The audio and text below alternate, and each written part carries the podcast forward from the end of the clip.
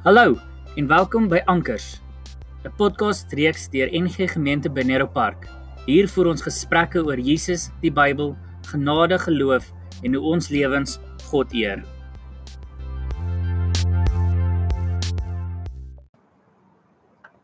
Wat 'n wonderlike voorreg om saam te kuier. Dis 'n heerlike dag hierso waar ek is en wanneer ek is. Nou in die podcast en in die sosiale sosiale media wêreld kan jy hierdie op enige tydstip luister. Jy's dalk in jou kar of by jou huis of in jou bed of voor die TV, waar ook al jy besig is om hierna te luister. Welkom. Mag jy gemaklik wees en mag jy vrede in jou hart ervaar. En as jy nie doen nie, hoop ons hierdie gesprekke help jou om daar te kom. Want as ons oor Jesus praat, wanneer ons oor geloof en genade, die Bybel en hoe ons lewens God eer praat, dan leer ons dinge, ons hoor dinge en ons ons horisonne verbreek. En dis die doel in die hart van hierdie podcast. Ons wil graag saam praat en saam gesprek voer oor die dinge van die lewe en die belangrikste ding in die lewe, ons Here Jesus. En ons gaan soms 'n bietjie moeilik raak. Ons gaan soms bietjie gemaklik wees. Ons gaan ander kere die die moeilike vrae vra en probeer antwoord en baie kere gaan ons net sê ons het nie antwoorde nie. Ons moet rus in wat ons kan weet en en het by die Here. En ons het baie, ons het regtig baie mee te gaan. So dis vir ons 'n wonderlike voorreg dat jy vanoggend en vanmiddag of vanaand wanneer ook al jy luister saam kuier en dat jy deel is van ons gesprek. My naam is Janko.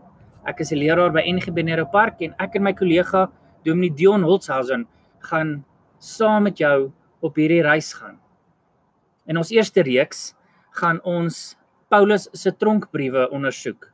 Dominee Dion vat ons deur die agtergrond en 'n paar gedagtes rondom elke enkele hoofstukke in Paulus se tronkbriewe. Hy sal self die inleiding daarvoor hanteer en dis vir ons 'n voorreg om hierdie pad saam met jou te stap.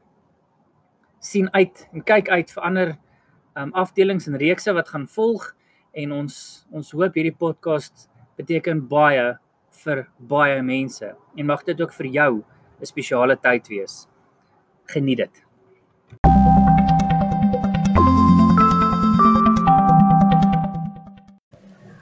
Baie welkom by ons saam lees. Ons gaan vir die volgende tydperk gaan ons die vier briewe wat Paulus geskryf het terwyl hy in die tronk is, gaan ons met mekaar saam lees. Daardie briewe is natuurlik Efesiërs, Filippense, Kolossense en Filemon. So el, ons gaan elke dag 'n stukkie lees en dan kyk na wat die toepassing of die les is wat ons daaruit moet leer. So begin sommer vandag al om hoofstuk 1 te lees van Efesiërs.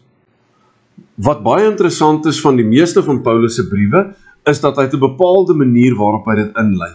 En hy sê hierdie brief kom van Paulus, ek is deur God gekies om 'n apostel van Christus te wees en ek skryf aan God se mense in Efese, hulle wat in Christus Jesus glo. Mag die genade en vrede van ons God Vader en die Here Jesus Christus met julle wees. So met ander woorde, Paulus se briewe bestaan hoofsaaklik uit drie goed. Hy sê wie is die skrywer? Vir wie is dit geskryf en ons het ook 'n groete boodskap, 'n seënbede waarmee hy al sy briewe begin. Wanneer 'n mens vers 1 lees, dan staan daar hierdie brief kom van Paulus. Dit is waarskynlik nie noodwendig die geval nie. Daar's baie akademici en navorsing wat gedoen het om te sê dat as 'n mens kyk na die inhoud en die taalstrukturering en dis meer, dan is dit baie duidelik dat dit nie baie goed vergelyk met Romeine en 'n klomp van Paulus se ander briewe nie. Die kans is baie baie groot dat Efesiërs waarskynlik geskryf is deur iemand uit die sogenaamde Pauliniese skool in Efese wat Paulus se bediening en sy teologie na sy dood voortgesit het. So daar's 'n groot klomp mense wat sê maar iemand het dit na Paulus se dood geskryf. Nou indien hierdie standpunt aanvaar word, word Efesiërs gewoonlik in die 80er jare van die eerste eeu gedateer.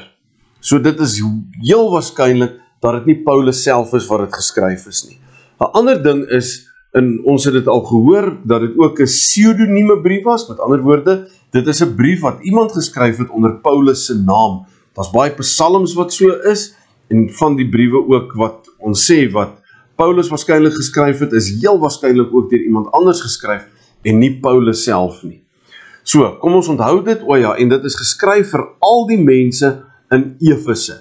Nou om dit te verstaan, moet ons verstaan en weet dat Efese was 'n groterige plek gewees. So daar het Jode gebly, daar Grieke gebly, Romeine, daar heidene gebly wat ook tot die Christendom tot bekering gekom het. So dit is geskryf vir almal wat daar bly. As ons dit kan vertaal, kan ons sê dit is geskryf vir almal wat in Kenton Park bly. En ons weet, hier's nie net Christene of net Jode of wat ook al is nie, wat se kulturele groep daar ook al mag wees nie. Daar's 'n verskeidenheid. So Paulus skryf sy brief aan Efesiërs aan almal wat in Efese gebly het.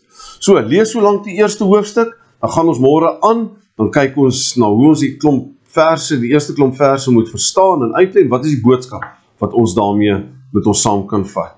So ons sien uit na 'n opwindende tydjie wat ons saam met mekaar gaan kuier en Paulus se tronkbriewe lees. Lekker dag tot môre.